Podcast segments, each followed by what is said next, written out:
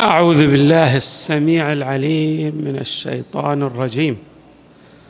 بسم الله الرحمن الرحيم والحمد لله رب العالمين والصلاة والسلام على أشرف الخلق سيدنا ونبينا محمد وآله أجمعين الطيبين الطاهرين.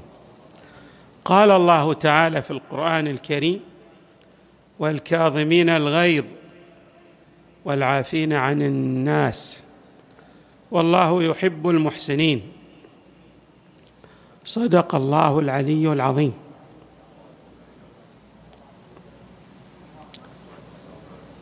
من معالم أخلاق النبي صلى الله عليه وآله الطاهرين العفو عن الناس.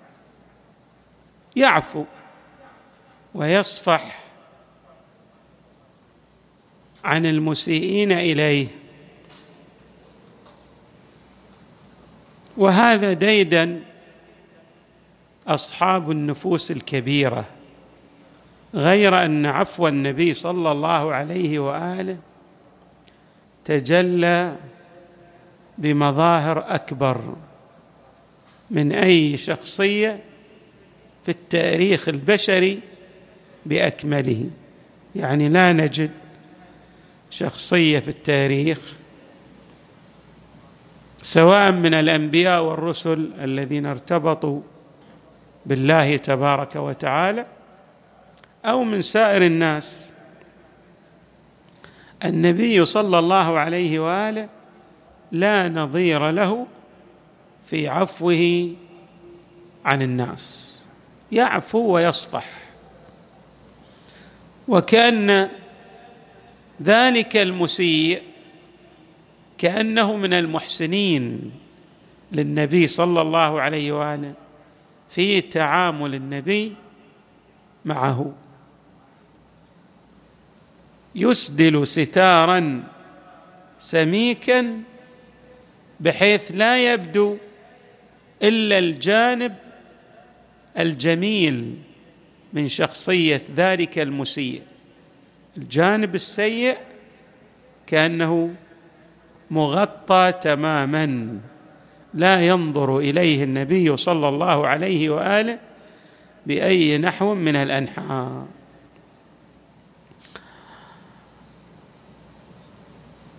الروايات الواردة عن النبي صلى الله عليه وآله وعن الأئمة من أهل البيت عليهم السلام تبين أهمية هذه السجية الأهمية للعفو عن الناس. العفو هذه سجية من السجايا الجميلة التي يتبوأ بها الإنسان. مكانه مرموقه عند الله تبارك وتعالى في عالم الآخرة. وأيضا يترتب على هذا على هذه السجية كثير من المزايا أفصحت عنها الروايات. نشير إلى ما جاء في الروايات. ورد عنه صلى الله عليه وآله ألا أخبركم بخير خلائق الدنيا والآخرة؟ من أفضل الخلائق في عالمي الدنيا والآخرة. العفو عمن ظلمك وتصل من قطعك والإحسان إلى من أساء إليك وإعطاء من حرمك. النبي يقول هذه مكارم الأخلاق من أراد أن يتحلى بها عليه أن يجسد هذه المعاني في شخصيته. أيضا ورد عنه صلى الله عليه وآله من عفى عن مظلمه أبدله الله بها عزا في الدنيا والآخرة. إذا شخص أساء إليك ظلمك ولكن عفوت عنه ما هو الأثر الوضعي المترتب على عفو العافي عن الناس؟ أنه الله تبارك وتعالى يعزه بعزه في عالمي الدنيا والآخرة. الله يسبغ عليك هذه العزة بهاء عطية منحة من عند الله تبارك وتعالى. أن تكون عزيزا إذا عفوت عن المظلمة التي ظلمت بها. أيضا النبي صلى الله عليه وآله يقول إذا أوقف الحق تبارك وتعالى العباد للحساب نادى مناد ليقم من أجره على الله ليقم من أجره على الله. طبعا كل الناس أجرهم على الله بس ها هناك مزية يعني كأن هذا مزية مزية خصيصة لبعض الناس. فكيف نقول؟ ما في أجر إلا من عند الله. بس هؤلاء كأنهم النخبة الفئة الخاصة. كما نعبر في التعبير الحديث الفي آي بي. ما في بعد مثلهم. الله تبارك وتعالى يتولاهم بعناية خاصة. وليدخل الجنة. هؤلاء يسألون الناس تسأل من هذا الذي أجره على الله؟ قيل من ذا الذي أجره على الله؟ قال العافون عن الناس. الذي يعفو عن إساءات الناس إليه هذا له ماذا؟ ميزة في عالم القيامة. النبي يعلمنا ليش؟ لأن طبيعة الإنسان في الحياة الدنيا ينسى نفسه يتغافل فتصدر منه الهفوات. ويكبى ببعض الكبوات. فلو دائما بتتعامل مع غيرك بنحو من الحق ما في عفو بين الناس. هذه العلاقات الاجتماعية سوف تصبح جحيما لا يطاق. المرطب الذي يجعل هذه العلاقات الاجتماعية جميلة هو العفو. ذلك الذي أساء إليك عندما تعفو عنه. في الأعم الأغلب ماذا؟ يصاب بنحو من الحياة يحاول أن يعتذر خاصة إذا صار من الذين يتصفون بالكرم عند بعض من السجايا الأخلاقية. سيأتي إليك معتذرا. ترجع العلاقات إلى مجراها الطبيعي. أما إذا تعاملت بنحو من النديه والقسوة ازدادت هذه العلاقات سوءا وتعقدت هذه العلاقات الاجتماعية. اصولا الإنسان لا يرتقي إلا بمن يعيش معه. يعني الله تبارك وتعالى جعل الإنسان اجتماعيا بطبعه بطبيعته لا يستطيع أن يعيش وحده ولا يتكامل وحده. فطيب مع من تعيش؟ مع هؤلاء الناس الذين تصدر منهم الأخطاء والهفوات فإذا كل شخص أساء إليك سوف تعامله. بهذا السوء أصبحت هذه العلاقات كما عبرنا. أصبحت جحيما لا يطاق. تعقدت علاقاتك مع غيرك. أما إذا بادرت أنت بالعفو بالصفح أصبحت هذه العلاقات يسودها الوئام. والسلام والإطمئنان بينك وبين غيرك. أيضا النبي صلى الله عليه وآله طبعا هذه لكل الناس حتى لغير المسلمين لكن بالتأكيد لما يصدر الخطأ من شخص مسلم يتشهد الشهادتين الأمر يختلف. النبي يقول من أقال مسلما عثرته أقال الله عثرته يوم القيامة. أيضا الرواية العامة اللي لكل الناس يقول صلى الله عليه وآله تجاوزوا عن عثرات الخاطئين يقيكم الله بذلك سوء الأقدار. هناك أيضا أقدار سيئة الانسان قد يقدر له أن يموت بحادث أن يصاب بمرض عضال أن يفقد أمواله أو بعضا من أمواله. إذا كان ماذا؟ يعفو عن المسيئين أيضا من الآثار الوضعية المترتبة على عفوه عن غيره أن الله تبارك وتعالى يجعل ذلك السوء من الأقدار يتجاوزه يبتعد عنه. يعني يصاب يبدله الله بدلا عن عفوه كرامة حسنى بهاء عطية من العطايا الإلهية لله تبارك وتعالى. إمامنا أمير المؤمنين عليه السلام أيضا يقول قلة العفو أقبح العيوب.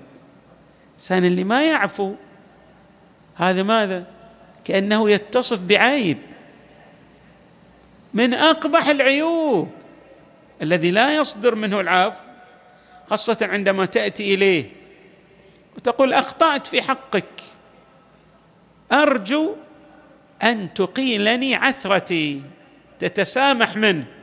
فتجده ماذا؟ يقابلك بوجه كابح. لا يقيل العثرة. يقول الإمام أمير المؤمنين هذا من أقبح العيوب. وأيضا يقول والتسرع إلى الانتقام هذا من أعظم الذنوب.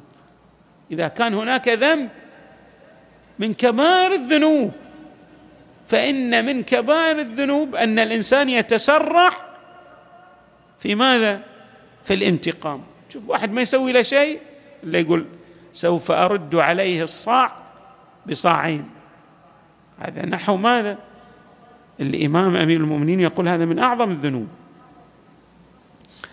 ويصف عليه السلام الذي لا يعفو أو إذا رأى قبيحا لا يستره.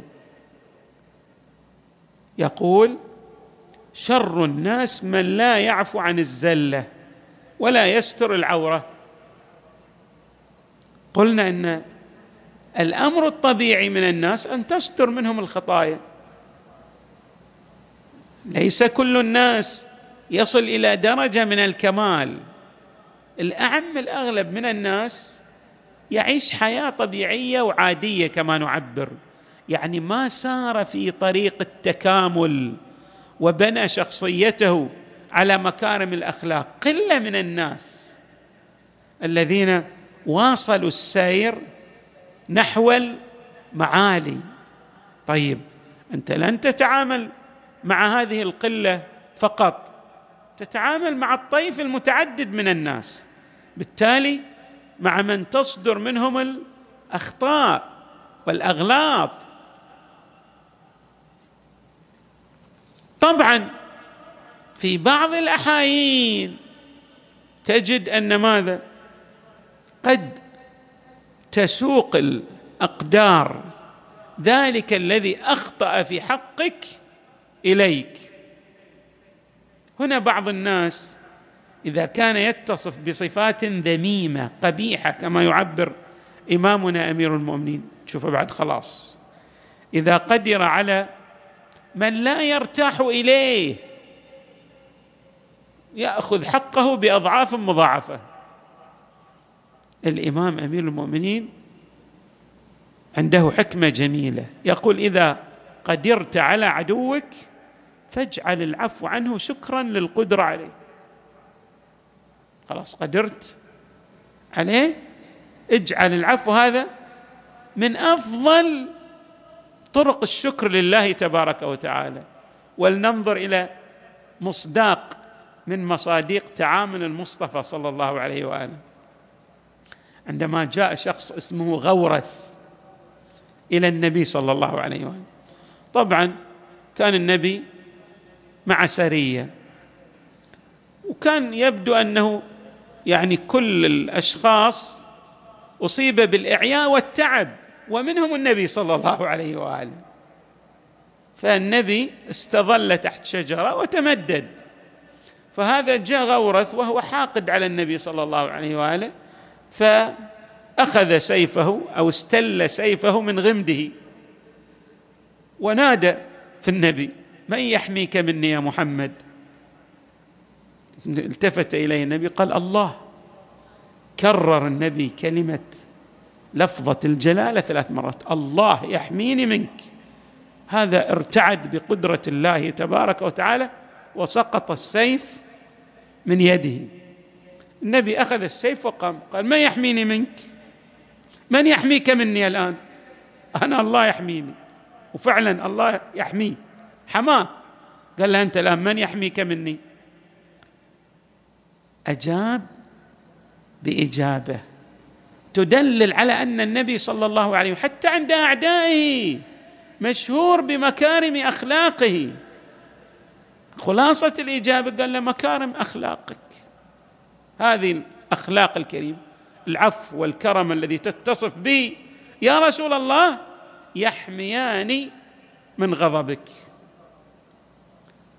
طبعا قال له هذا طيب أنا الآن بتركك. إيش بتسوي؟ تسلم. النبي يريد أن يدعو إلى الإسلام. قال له لا ما أسلم. قال له شنو يعني بدل ما أتركك؟ إيش بتسوي؟ قال له لا أدخل في حرب عليك. لا وحدي ولا مع غيري. من أحاربك يا رسول. قال له خلاص روح. حتى هذا يكفي. شوفوا هالكرم هالسجايا الحميدة التي اتصف بها النبي صلى الله عليه وآله. أيضا الإمام أمير المؤمنين عنده وصية يوصي بها ابنه الحسن عليه السلام. يقول إذا استحق أحد منهم ذنبا فأحسن العذل. يعني أصدر لوما له اعذله. فإن العذل مع العفو أشد من الضرب لمن كان له عقل. اذا تتعامل مع إنسان انسان طبيعته يتمتع بعقل يدرك ما يترتب من عواقب للأمور. يقول له أعذله يقول له ما ينبغي منك وأنت العاقل الحصيف في رأيك أن يصدر هذا السوء منك. خلاص هذا يكفي. مو دائما تجعل صوت العذاب هو الفيصل في حل الأمور. هذا النحو بالخصوص بين الأقربين بين الأرحام. ترى بعض الناس سبحان الله دائما يتعامل مع ارحامه حتى من يزداد سوءا إليه هو يزداد احسانا إليه. وهذا الله ماذا يعطيه؟ يعطيه ما لا عين رأت ولا أذن سمعت ولا خطر على خيال بشر لأن رحم أيضا ورد عن إمامنا الصادق عليه السلام يصف أهل البيت عليهم السلام. يقول إن أهل بيت مروءتنا العفو عمن ظلمنا. هذه سجية متأصلة في أهل البيت عليهم السلام. الذي يظلمهم هم يعفون عنه. وإحنا رأينا في بعد أشد من مروان في ظلمه لأهل البيت لكن عندما كانت واقعة الحرة مروان جاء بعائلته إلى امامنا زين العابدين. مروان الذي كان يسيء إلى الإمام الحسين وإلى الإمام الحسن وإلى وجد أن أقرب الناس لأن يستأمنه أسرته هو الإمام زين العابدين والإمام فعلا أخذ عائلة مروان وأبعدهم عن الأحداث التي كانت في المدينة. يعني جعلهم ماذا؟ في ينبع. خلاهم في ينبع. تعامل أهل البيت عليهم السلام هو التعامل الأمثل الأعظم. ولهذا من يريد أن يقتدي بالنبي صلى الله عليه وآله وأن يتعلم درسا منه بالخصوص في المناسبات كأيام مثلا كهذه الأيام مثلا أيام مولد النبي صلى الله عليه وآله.